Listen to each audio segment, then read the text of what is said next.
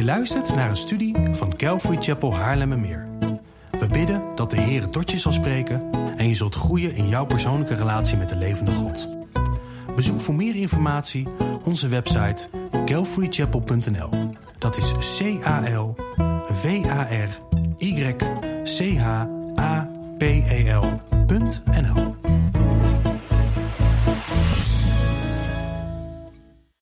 Oké, sla je Bijbel alsjeblieft open op Johannes hoofdstuk 3 en Johannes hoofdstuk 4. Ik weet dat dat fysiek niet mogelijk is, want bij mij staat het op verschillende pagina's, maar ik wil vanochtend met jullie naar twee hoofdstukken in een soort van in vogelvlucht gaan kijken. En ik wil met jullie gaan kijken naar iets dat voor ons allemaal heel erg bekend is, namelijk een eerste indruk. Eerste indrukken worden snel gemaakt. Er zijn wetenschappelijke studies die zeggen dat binnen 10 seconden, anderen zeggen binnen één seconde dat wij een idee hebben, dat wij denken te weten hoe iemand anders in elkaar zit. Dus je ziet iemand voor het eerst bijvoorbeeld binnenkomen, je kijkt naar die persoon en jij denkt te weten hoe die persoon in elkaar zit, het verleden van die persoon. Je weet alles, want jij hebt een oordeel over die persoon. Zo zitten we allemaal in elkaar, dit is geen aanval, ik doe hetzelfde. Maar zo, zo, zo werken wij. Een eerste indruk van iemand is heel snel gemaakt. En het nare is ook dat wij vasthouden aan dat eerste, dat eerste oordeel, die eerste indruk. Ook als er een klein beetje bewijs is dat we misschien geen gelijk hebben. Zo zitten wij mensen in elkaar. Wij houden vast vaak aan dat oordeel over anderen. En we gaan zien dat op het eerste oog wij ook een oordeel gaan hebben over de twee mensen waar we naar gaan kijken. We gaan kijken naar Nicodemus. Ik noemde hem vanochtend gekscherend Nico de Mus de eerste Nederlander die in de Bijbel genoemd wordt. Hij heeft ook al een tussenvoegsel, dus dat is heel bijbels. Um, maakt niet uit. En we gaan kijken naar de Samaritaanse vrouw. De vrouw die niet eens een naam krijgt in de Bijbel, maar die heel bijzonder behandeld wordt. Over allebei deze mensen hebben wij een oordeel, hebben wij een beeld wanneer we, wanneer we over hen lezen. Net zoals dat je een beeld hebt bij iedereen die hier in deze zaal zit. Sommige mensen vind je misschien raar, sommige mensen vind je misschien gezellig, arrogant, lief. Ik weet het niet. Maar we hebben een beeld, een oordeel bij iedereen hier. En als mensen gaan wij handelen naar dat oordeel dat we hebben. Als jij iemand aardig vindt, ga je die persoon anders behandelen dan als je iemand binnen ziet komen en je denkt: nou, dat is me toch partijtje een zak aardappelen. Maak er wat van ons positieve of negatieve gedrag wordt gebaseerd op het oordeel dat wij hebben over iemand anders. Tot zover de psychologische studie van, van, van vandaag. Ik wil gaan kijken naar het feit dat Gods oordeel alleen juist is. Want wat we gaan zien is twee mensen die totaal anders zijn. We gaan zien dat, er, dat je in eerste instantie denkt, dit zijn twee verschillende soorten mensen. Terwijl dat helemaal niet zo is, want ons DNA, zoals we vorige week ook gehoord hebben, wijst op dat er maar één soort mensen is. En ook de wetenschap duwt ons in de richting van een oordeel over mensen hebben. De evolutieleer zegt namelijk dat we onderscheid moeten maken tussen mensen. De mensen die zich wel aan kunnen passen, de sterken of degenen die het kunnen overleven, en de mensen die het niet overleven. Ik weet niet of het je opvalt, maar daarbij zit in evolutieleer racisme ingebakken. Zij voldoen en zij niet. Het Darwinisme, dat kan je opzoeken in het boek dat Darwin geschreven heeft, zegt zelfs, en het is compleet stupide, compleet idioot, maar dat het witte ras, wat dus al niet kan, maar sterker is dan niet-witte rassen en dat we daarom als witte ras zouden overblijven door de evolutieleer. Dat is wat de evolutie ons leert. Nou, dat is compleet stupide, want de Bijbel leert ons dat ieder mens gelijk is. Dat ieder mens uniek gemaakt is door God en dat God van ieder mens houdt. Bij God is er geen ruimte voor racisme, want wij zijn allemaal mensen. God houdt van ieder mens evenveel. Omdat God ieder mens gemaakt heeft, gelijk gemaakt heeft. Er zit misschien onder, onderscheid in um, hoeveelheid pigment in je, in, je, in je huid, wat voor cultuur je hebt, wat voor taal je hebt, woonplaats, achtergrond. Maar uiteindelijk zijn wij voor de Bijbel allemaal mensen. En dat zou ook ons vooroordeel over mensen moeten beïnvloeden. Wij zijn allemaal complex en uniek gemaakt door God. Maar we hebben grotendeels gelijk DNA met een paar verschillen, want we zien er ook allemaal verschillend uit. En vanochtend gaan we zien dat, hoe God met mensen omgaat. Hoe God met één soort mensen omgaat, namelijk met alle mensen. God gaat niet anders om met de een dan met de ander. We gaan namelijk kijken naar Nicodemus, Nicodemus, de man die het hoogste had bereikt wat hij kon bereiken in Israël. Deze man die had echt die had dingen bereikt die de meeste mensen niet voor elkaar kunnen krijgen. Hij zat in de top van de top van de top van de samenleving. En Nicodemus wordt compleet gelijk behandeld als de vrouw die we in Johannes 4 gaan bekijken, die een nare reputatie heeft, die niet onder de mensen gezien wil worden. De vrouw die overduidelijk in zonde leeft en daar waarschijnlijk op aangesproken wordt, of in ieder geval op neergekeken wordt door de rest van haar dorp. En Jezus gaat niet anders om met Nicodemus, de man die alles bereikt had, dan die vrouw waarop neergekeken wordt. Jezus die ziet één mens, één soort mens, die ene mens die God nodig heeft. In Johannes hoofdstuk 3, en we gaan niet elk vers door, want dan zijn we hier tot morgenochtend bezig, is Jezus in gesprek met Nicodemus. In vers 1 staat er, er was een mens uit de Fariseeën en zijn naam was Nicodemus. Deze man, zegt vers 10, was, een, was de leraar van Israël. Er wordt daar op een specifieke manier wordt daar iets neergezet in het Grieks, waardoor er staat dat hij echt de leraar van, van Israël was. Um, hij was dus een van de hoogste geestelijke leiders. In die tijd was dat het allerhoogste wat je kon bereiken. Hij was onderdeel van het Sanhedrin, wat de hoge raad van het Jodendom was. Als je dat wil vergelijken met de hedendaagse tijd, Nicodemus was de CEO of de directeur van een groot, van een groot bedrijf. Hij had alles bereikt wat je maar kon bereiken. Hij, had, hij was iemand die, als hij een restaurant binnenliep, hoefde maar zo te doen. Er werd een tafel voor hem neergezet. Als hij ergens naartoe ging, iedereen kroop voor hem. Hij kreeg alles voor elkaar. Hij had verdiende veel respect, kreeg veel respect. Dit was een man die echt alles bereikt had, alles zelf bereikt had, wat je maar kon bereiken in die tijd. Bijbelcommentator Matthew Henry heeft gezegd: hij was een leider van de Joden, een lid van het grote Sanhedrin, een senator, een goed raadgever, een man met autoriteit in Jeruzalem. Als Nicodemus iets zei, dan gebeurde het. Want hij was Nicodemus, de leider, de leraar van Israël. En Nicodemus die kwam, zoals het een goed leider betaamt, s'nachts met Jezus praten. Ik weet niet of dat betekent dat hij overdag geen tijd had, Ehm, de een zegt dat hij bang was om met Jezus gezien te worden. De ander zegt hij wilde ongestoord met Jezus praten. Het komt erop neer, de leraar van Israël kwam s'nachts met Jezus praten. Dat is wat we weten. Deze man die alles bereikt had, alles zelf bereikt had, want hij moest van alles uit zijn hoofd leren, moest allerlei debatten voeren, moest van alles doen. Deze man kwam met Jezus praten. En deze man werd op een bepaalde manier door Jezus behandeld. In Johannes hoofdstuk 4 ontmoet Jezus een heel, een heel iemand anders.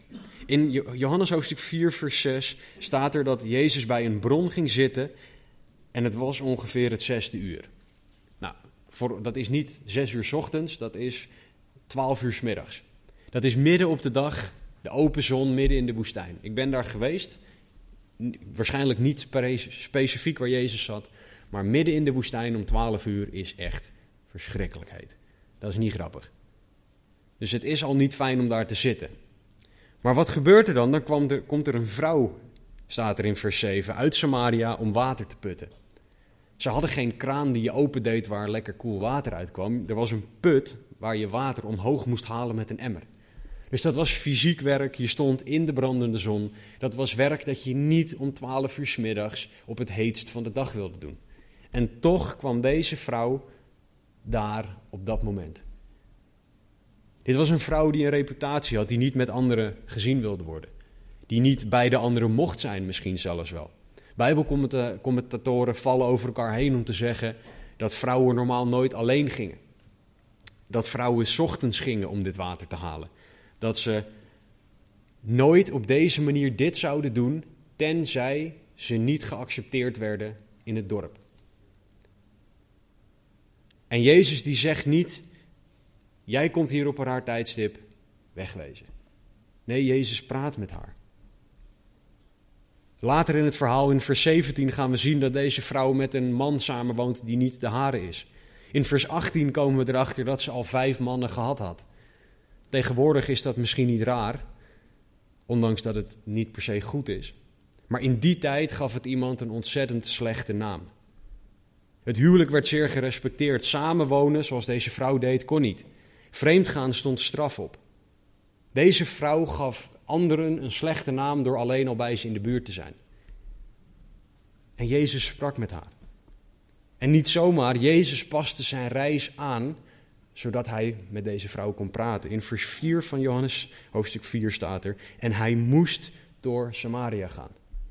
Dat is niet geografisch moeten, maar dat is willen. Hij moest naar Samaria gaan omdat hij met deze vrouw moest praten. Jezus wilde met Nicodemus praten. Jezus wilde met deze vrouw praten. En Jezus deed moeite om met deze twee totaal verschillende mensen te praten. Omdat God een oordeel over deze mensen had. Omdat God hen zag zoals ze waren en wist wat ze nodig hadden. Hij zag niet het uiterlijke van iemand die alles bereikt had en gerespecteerd was tegenover iemand die misschien wel uitgekotst werd door het dorp. Nee, Jezus zag iets heel anders. En daarom gaf hij allebei evenveel tijd, evenveel liefde en even duidelijke woorden. De woorden die ze nodig hadden. In Johannes 3, als we naar Nicodemus gaan kijken, zien we dat Nicodemus bij Jezus komt en dat hij Jezus erkent. Hij zegt: Wij weten dat u van God gekomen bent. Hij erkent dat Jezus iemand is die autoriteit van God heeft. Hij zegt: Niemand kan deze tekenen doen die u doet als God niet met hem is. Nou, dat is best wel een mooie opening. En Jezus' reactie is: Nou, top, dankjewel. Fijn dat je dat, dat je dat tegen me zegt. Nee, Jezus zegt iets wat totaal niet logisch is. Of lijkt. Hij zegt: Voorwaar, voorwaar, vers 3. Ik zeg u: Als iemand niet opnieuw geboren wordt, kan hij het koninkrijk van God niet zien. Dat heeft niks te maken met wat Nicodemus net gezegd heeft. En toch was het wat Nicodemus moest horen. Nicodemus die kwam naar Jezus toe en hij begon een gesprek. En dat, misschien een beetje zo van, nou, ik dans er een beetje omheen om de hete brei. En op een gegeven moment komen we wel bij hetgeen waar het om gaat. Maar Jezus was er niet zo van. Jezus die ging gelijk overal dwars doorheen en zegt, dit is het probleem. Hij vertelt Nicodemus gelijk wat zijn probleem is. Jij moet opnieuw geboren worden, Nicodemus. Voor de duidelijkheid, dit is een probleem waarvan Nicodemus niet wist dat hij het had. Want we komen er verderop achter dat Nicodemus geen idee heeft waar Jezus het over heeft. Opnieuw geboren worden, wat betekent dat? Nou, het Grieks voor opnieuw, het woord anoten, of waar de klemtoon ook mag liggen, betekent van boven. Jezus zegt hier, Nicodemus, jij moet van boven geboren worden, vanuit de hemel. En Nicodemus' reactie is, hé? Hij zegt in vers 4: Hoe kan een mens geboren worden als hij oud is? Hij kan toch niet voor de tweede keer in de schoot van zijn moeder ingaan en geboren worden? Ik heb laatst het voorrecht gehad om onze tweede dochter geboren te zien worden. Het is al heel wat dat zo'n kleintje eruit komt. Laat staan als je zo'n kleintje zou proberen om opnieuw erin te stoppen. Laat staan als je een man van Nicodemus' leeftijd, die waarschijnlijk in de 50 was, opnieuw bij een moeder naar binnen stoppen. Dat is, dat, Nicodemus die is aan het bedenken, hoe, hoe kan niet. Dat is niet logisch wat u nu zegt, Jezus. Dit kan niet. Hij kan toch niet voor de tweede keer in de schoot van zijn moeder ingaan? Nou, het antwoord is gelukkig niet. Moeders, rustig aan. Dit is niet waar Jezus het over heeft. Jezus reageert in vers 5 tot en met 8 met wat er echt aan de hand is. Jezus zegt: Als iemand niet geboren wordt uit water en geest, kan hij het koninkrijk van God niet binnengaan. En daar heeft Jezus het probleem van Nicodemus te pakken. Daar heeft Jezus te pakken wat het probleem was van iemand die alles zelf voor elkaar weet of voor elkaar krijgt. Jezus wil dat Nicodemus begrijpt dat er iets moet gebeuren dat hij niet zelf kan. En dat is raar, want in het Jodendom was Nicodemus geleerd dat alles wat hij moest, dat, dat alles zelf te bereiken was. Als je het maar hard genoeg probeert. Gehoorzamen aan God, moet je doen. Dan ga je het ook doen. Deze man had alles bereikt: religieuze studies, zich houden aan de wetten, de rituelen, de gehoorzaamheid. Alles had hij zelf gedaan. En daarmee had hij zich omhoog gewerkt. Hij hoeft helemaal niet op een negatieve manier te zijn, maar omhoog gewerkt. En zo was hij nu onderdeel van het Sanhedrin, van de Joodse Hoge Raad. De hoogste plek die hij kon bereiken. En Jezus zegt tegen Nicodemus, glashard, dat is niet genoeg. Alles wat jij zelf bereikt hebt, is niet genoeg. Bijbelcommentator Tenny heeft gezegd: Je moet in het Hemels Koninkrijk geboren worden om er deel van te zijn. Deze les moest doordringen in het hoofd van Nicodemus. Dit moest hij begrijpen. En dit is wat compleet niet te begrijpen was voor een Jood. Voor iemand die gewend was om alles zelf te bereiken. Om zelf hard te werken en het dan voor elkaar te krijgen. Hij moest begrijpen dat hij de hemel niet in zou gaan, ondanks al het goede dat hij gedaan had. Want goed is niet goed genoeg bij God. Er moet iets heel anders gebeuren. Goede daden, een goede opleiding, een positie, aanzien, misschien wel geld. Ik weet niet of Nicodemus rijk was. Jezus zegt: Het is niet genoeg. God moet iets in jou doen. Jij moet geboren worden uit water, uit een moeder, uit het vruchtwater en uit de geest. Hij moest van boven geboren worden door Gods geest. Dat is wat hem toegang zou geven tot de hemel. Niet alles wat hij zelf bereikt had. Ik kan me niet voorstellen hoe dit geweest is voor Nicodemus om te horen.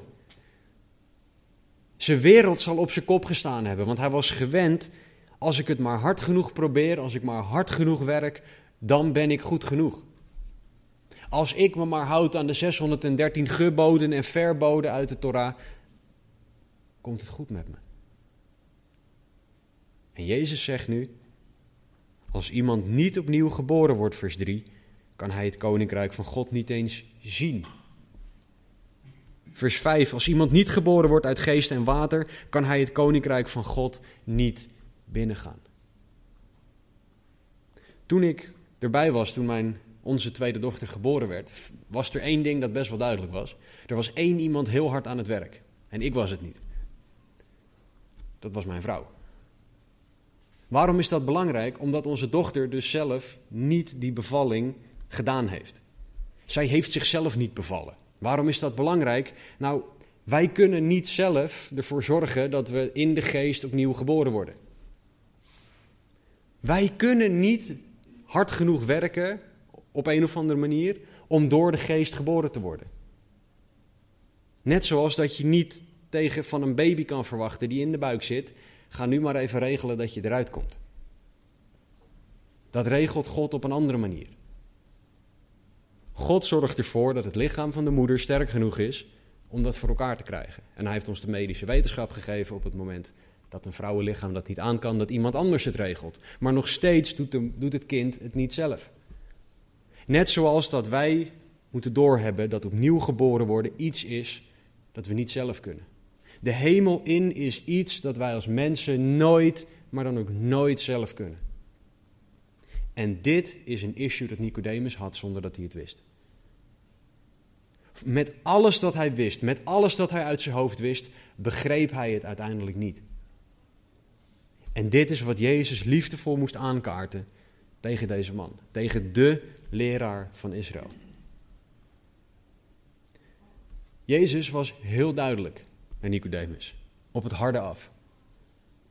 Maar dit was wat Nicodemus nodig had. Dit is wat hij in moest zien. Nicodemus, er is niks dat jij kan doen dat de weg naar de hemel openmaakt voor jou. Jezus zegt in Johannes 14, vers 6: Ik ben de weg, de waarheid en het leven. Niemand komt tot de Vader dan door mij. Psalm 119, vers 89 zegt: Voor eeuwig, Heer, staat uw woord vast in de hemel. Waarom haal ik dat vers aan? Omdat sommige mensen zeggen: Ja, maar dat was toen.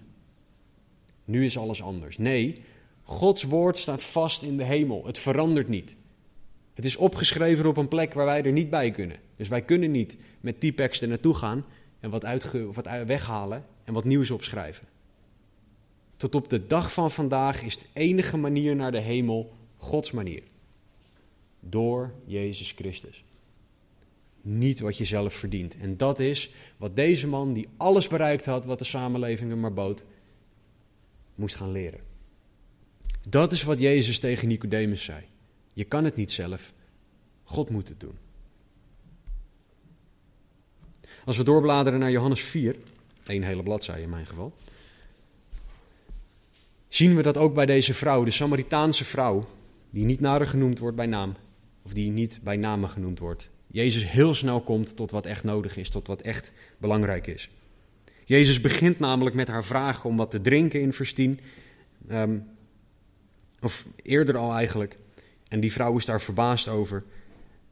En die vrouw die reageert dan, het is een heel bijzonder gesprek eigenlijk. Want het was niet normaal dat een Joodse rabbijn, een Joodse leraar, praatte met een vrouw in die tijd. Zelfs publiekelijk, het is echt heel bijzonder, praatte een rabbijn niet met zijn eigen vrouw. Hij praatte thuis met zijn eigen vrouw. En in het openbaar praatte een rabbijn niet met vrouwen, ook zijn eigen niet.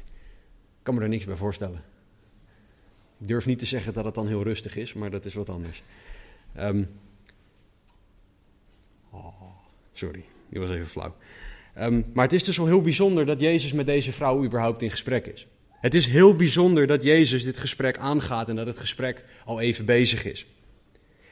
En in vers 13 en 14 komt Jezus heel snel tot de hart van de zaak. Jezus antwoordde en zei tegen haar: Ieder die van dit water drinkt, uit die put, zal weer dorst krijgen. Maar wie drinkt van het water dat ik hem of haar geven zal, zal in eeuwigheid geen dorst meer krijgen. Maar het water dat ik hem zal geven, zal in hem of haar een bron worden van water dat opwelt tot in het eeuwig leven.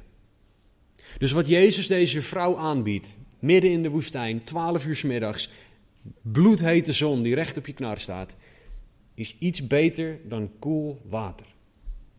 Nou, er is niet heel veel beter dan koel water in de woestijn om 12 uur s middags als de zon bovenop je hoofd staat. Maar één van de weinige dingen is eeuwig leven. En dat is wat Jezus deze vrouw aanbiedt. Net zoals bij Nicodemus begrijpt deze vrouw niet waar Jezus het over heeft. Ze zegt in vers 15: Geef mij dat water opdat ik geen dorst meer zal hebben. En niet hoef te komen om te putten. Deze vrouw die wilde niet meer bij die waterput komen. Ze begrijpt hem niet. En om duidelijk te maken wat hij bedoelt, maakt Jezus een hele rare wending in het gesprek. Of een op het eerste oog rare wending in het gesprek. Dus deze vrouw zegt net: geef mij dat water, zodat ik hier niet meer bij die put hoef te komen. En Jezus zegt: oh, ga je man even roepen, alsjeblieft. Wat heeft dat met het gesprek te maken? Nou, zoals ik al zei, rabbijnen praten normaal niet met vrouwen, dus het was niet gek dat Jezus vroeg: kan je je man even halen, want dan kunnen we een gesprek voeren via je man. Zo'n soort driehoek zou dat dan worden. Um, het was niet heel gek dat Jezus naar haar man vroeg. Maar waarom vroeg hij dat? Jezus wilde haar thuissituatie aankaarten. Jezus wilde dat zij in ging zien waar dat water voor nodig was. Want het ging niet om water waardoor je nooit meer fysiek hoeft te drinken. Het gaat hier om water, vers 14, dat opwelt tot in het eeuwige leven. Dat is wat deze vrouw moest inzien. Water dat eeuwig leven geeft. Dat is wat zij nodig had. De reactie van deze vrouw is: Ik heb geen man. Het was heel eerlijk, een beetje misleidend, maar in de letterlijke zin had ze gelijk. Ze was niet getrouwd blijkbaar. Um, maar ze sprak ook niet de volledige waarheid. Wat Jezus aan het doen was, is, is haar vraag beantwoorden. In vers 15 zegt deze vrouw tegen Jezus: Geef mij dat water. Zij gaat in op wat Jezus tegen haar zei. En Jezus die zei: Oké, als jij dat water wil hebben, dan moet er iets gebeuren. Jezus moest haar wijzen op het feit dat ze zondig was. En dat dat water als doel had om haar schoon te maken van haar zonde. Waarom is dat nodig? Nou, je weet, je hebt pas schoonmaakmiddel nodig als je weet dat je vies bent. Kijk maar naar kleine kinderen, die zijn vaak heel vies. Maar die rennen gewoon lekker door. En die zijn lekker bezig en die hebben allemaal geen idee dat ze vies zijn of dat ze schoongemaakt moeten worden. Jezus wil dat deze vrouw inziet dat ze vies is en schoongemaakt moet worden door het water dat Jezus Christus haar aanbiedt. Jezus wijst haar op haar situatie. Hij zegt in vers 17, u hebt terecht gezegd, ik heb geen man. Want in vers 18 zegt Jezus, vijf mannen hebt u gehad. Nou, dat was al heel ongewoon in die tijd. En de man die u nu hebt, is uw man niet. Dus ze woont samen met iemand die niet haar man is, terwijl ze al vijf mannen eerder gehad heeft. Jezus wijst hier voor de duidelijkheid samenwonen en bedpartners buiten het huwelijk aan als iets dat niet goed is. Dit is wat Jezus aanwijst als zonde in deze vrouw, waarvoor zij het water dat eeuwig leven geeft nodig heeft. In vers 19 zegt deze vrouw: Meneer, ik zie dat u een profeet bent. Waarmee zij zegt: U hebt gelijk. Dit is mijn situatie. Ze liep niet weg, ze ging geen discussie aan. Ze zegt niet: Ja, maar u begrijpt het niet, u weet niet hoe het echt zit. Ze vraagt niet: Nou, maar geef me nou een uitzonderingspositie, want ik ben anders. Ik heb van God gehoord dat het voor mij wel mag. Nee, ze begrijpt: dit is niet goed. Dit is mijn situatie. Dat klopt niet. Dat het zo is. Dit, dit, is niet zoals het zou moeten zijn. Ze ziet in dat ze zondig is. En deze vrouw moet gaan inzien dat daar iets aan moet gebeuren. En dat Jezus haar de oplossing geeft. Niet een oplossing die ze zelf kan verdienen, die ze zelf uit die put omhoog kan halen. Maar dit is een oplossing die alleen Jezus aan haar kon geven. Want Jezus zegt dat Hij degene is die dat water geeft. Zowel Nicodemus als deze vrouw moesten gaan inzien dat in hun situatie, waar wij heel snel een oordeel over zouden hebben, er één ding aan de hand is. Ze hebben God nodig. Waar wij misschien heel snel heel veel respect zouden geven aan Nicodemus en veel minder respect aan die vrouw. Waar wij de een heel anders zouden behandelen dan de ander. Misschien. Zegt God, er is één ding aan de hand. En dat is wat ik aankaart. Dat is wat ik aan ga pakken. Je hebt Jezus nodig. Er is niks dat Nicodemus kon doen. Er is niks dat deze vrouw kon doen dat goed of goed genoeg was om eeuwig leven te ontvangen. Dat is de situatie van deze twee mensen. En dat is het oordeel, het rechtvaardige oordeel dat God velt wanneer hij naar Nicodemus en naar deze vrouw kijkt. Als we teruggaan naar hoofdstuk 3 van Johannes, gaan we kijken naar wat Nicodemus nou echt nodig heeft. Jezus heeft tegen Nicodemus gezegd: wat je zelf bereikt hebt, dat gaat je niet redden. Dat gaat jou niet de hemel inbrengen. Opnieuw geboren worden kan je niet zelf. Maar Nicodemus begrijpt het niet. En Jezus zegt niet: pannenkoek, jij bent de leraar van Israël, dit hoor je te begrijpen, ga maar harder studeren. Nee, Jezus legt het liefdevol uit. Vanaf, vanaf vers 14 gaat Jezus uitleggen hoe dit werkt. En om dit te doen haalt hij een stuk historie van Israël aan. En dat doet Jezus heel slim, want hij weet dat Nicodemus dit weet. Nicodemus weet waar Jezus het nu over gaat hebben. Hij begrijpt dit, hij heeft dit bestudeerd, waarschijnlijk zelfs onderwezen. Nicodemus kent dit stuk verhaal, zoals Mozes de slang in de woestijn verhoogd heeft.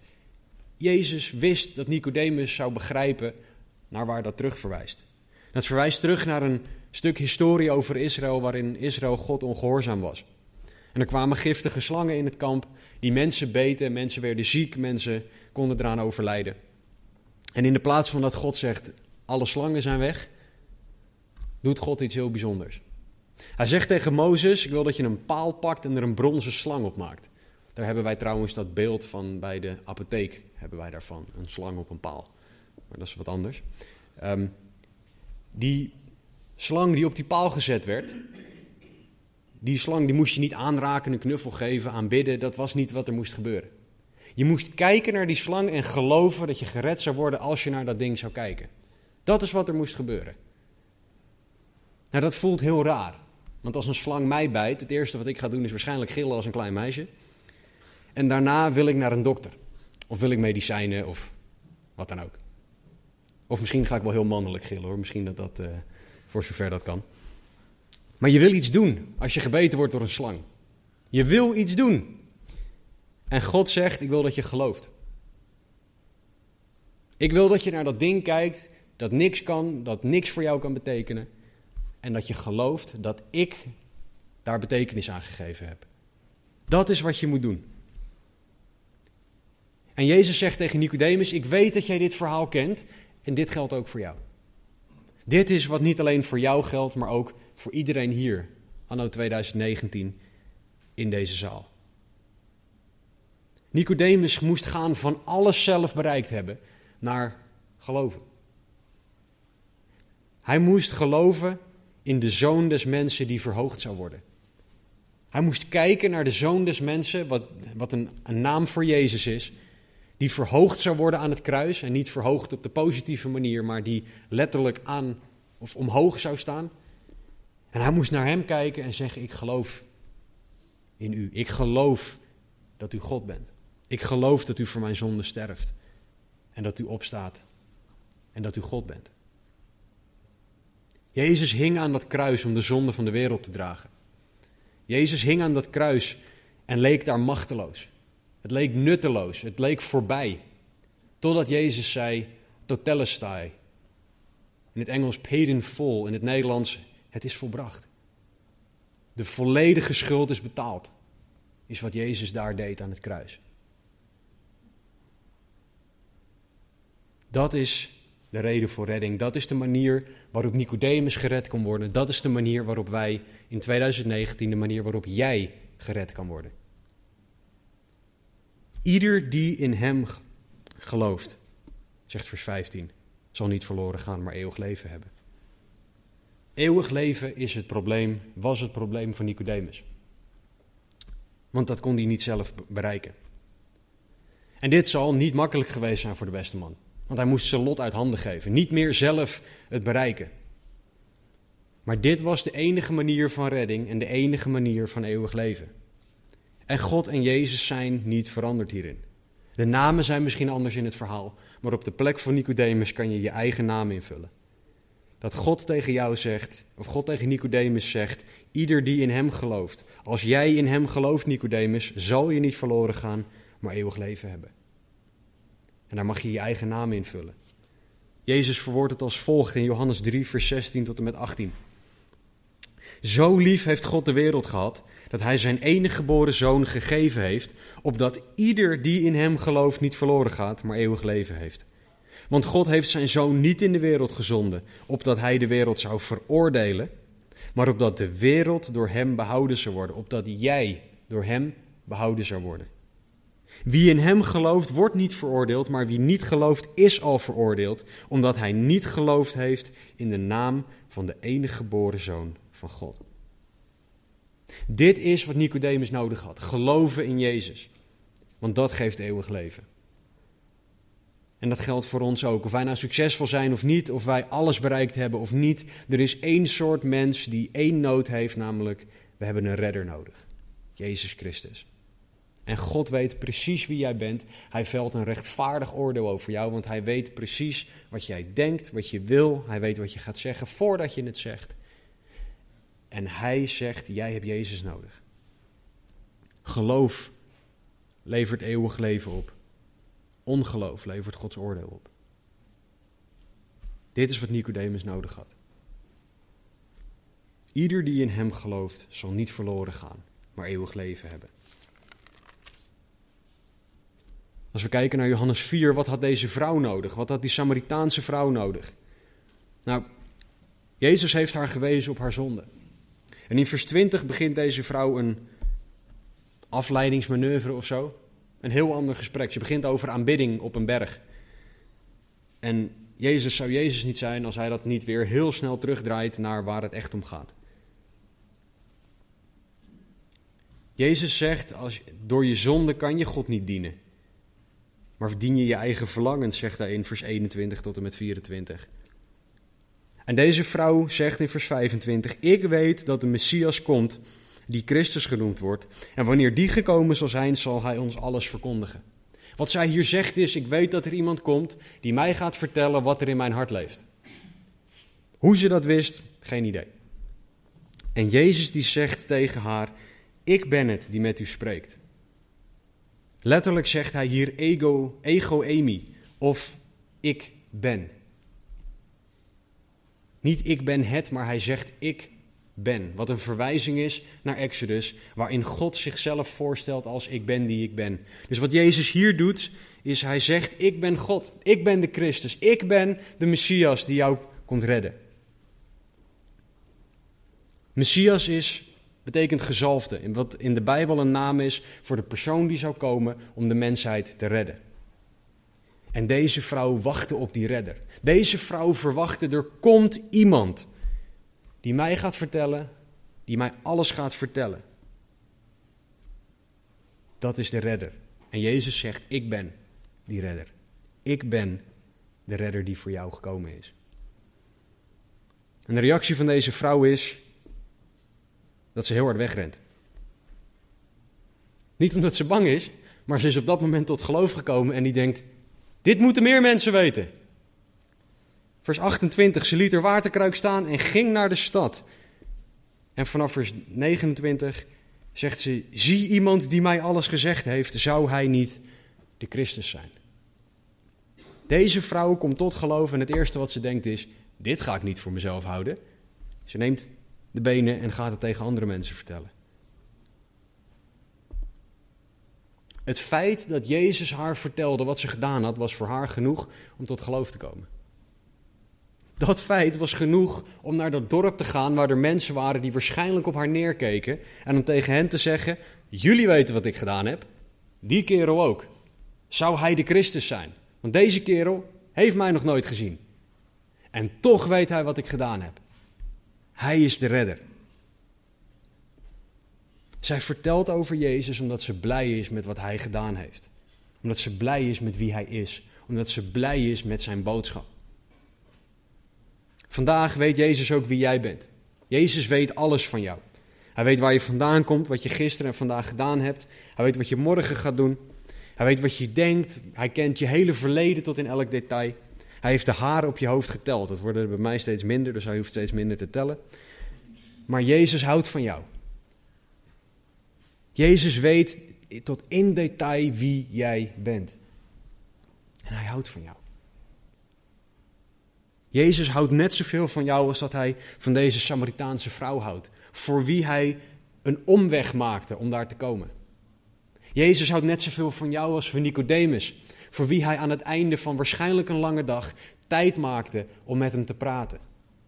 En om met hem te delen wat hij nodig had voor eeuwig leven.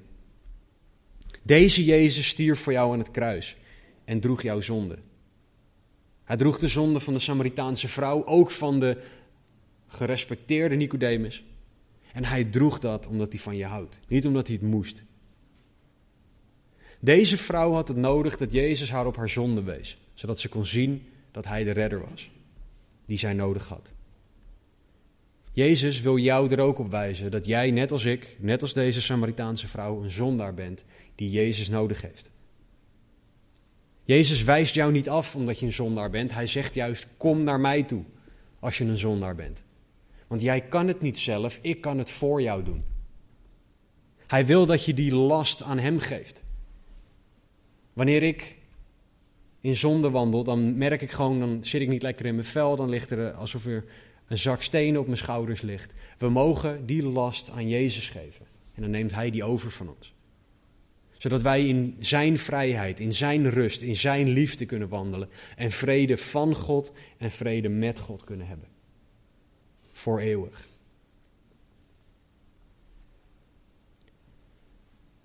Wij hebben een oordeel over Nicodemus.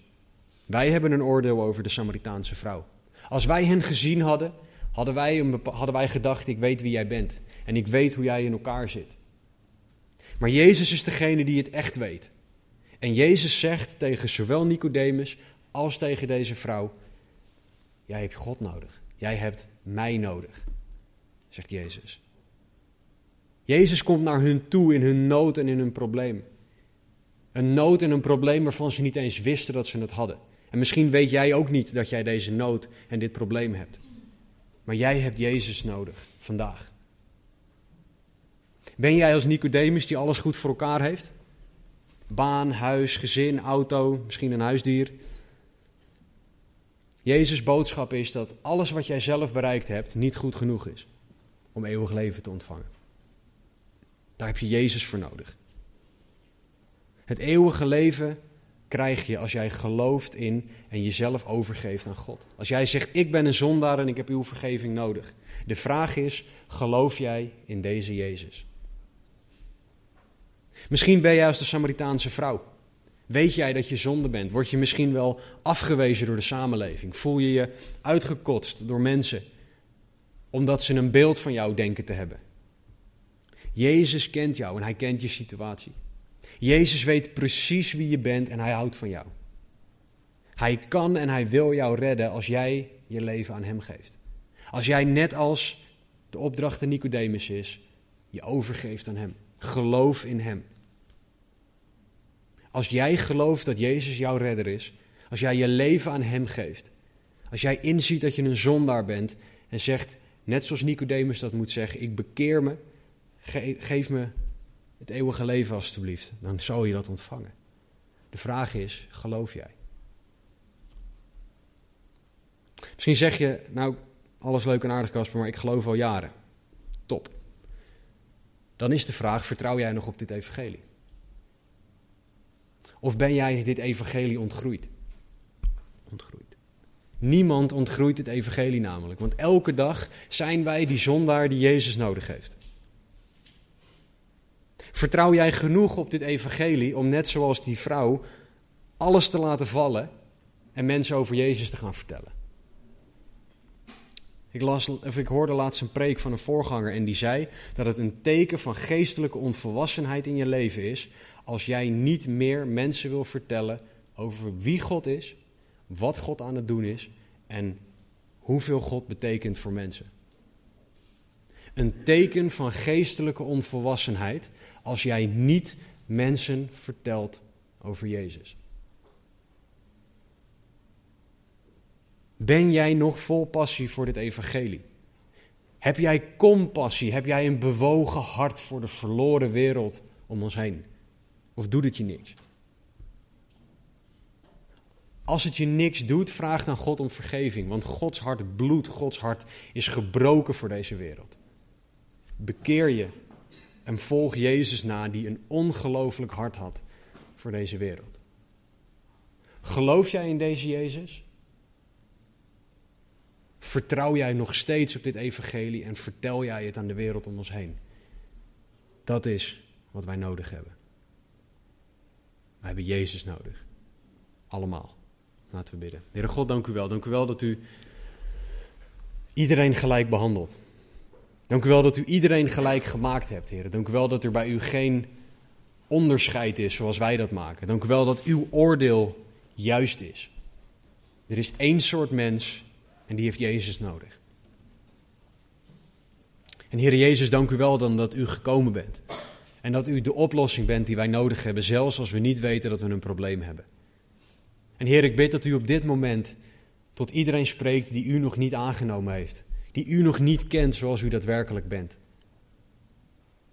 Ik bid dat u op hun hart zal kloppen, dat u tot hen zal spreken, dat ze zullen voelen, dat ze zich ongemakkelijk voelen in hun stoel. En dat ze hun leven aan u zullen geven. Als jij dit bent op dit moment, ga bidden tot God. Dat is praten met God. God verstaat je gedachten. Ga tegen God zeggen dat je hem nodig hebt. En dat je een zondaar bent. En dat je zijn vergeving wil ontvangen. Als jij al jaren gelooft, maar misschien koud geworden bent voor dit evangelie. Misschien niet meer het deelt met mensen. Het misschien niet meer ziet als dat wat mensen nodig hebben. Ga dan in gebed naar God toe. Bid dat God je zal laten inzien wie Hij is. Want dat is wie we nodig hebben. We hebben Jezus nodig. En deze wereld heeft Jezus nodig. En Hij heeft het nodig. God wil dat wij voor Hem deze wereld ingaan. Dat wij heen gaan, discipelen maken. Mensen dopend in de naam van de Vader, de Zoon en de Heilige Geest.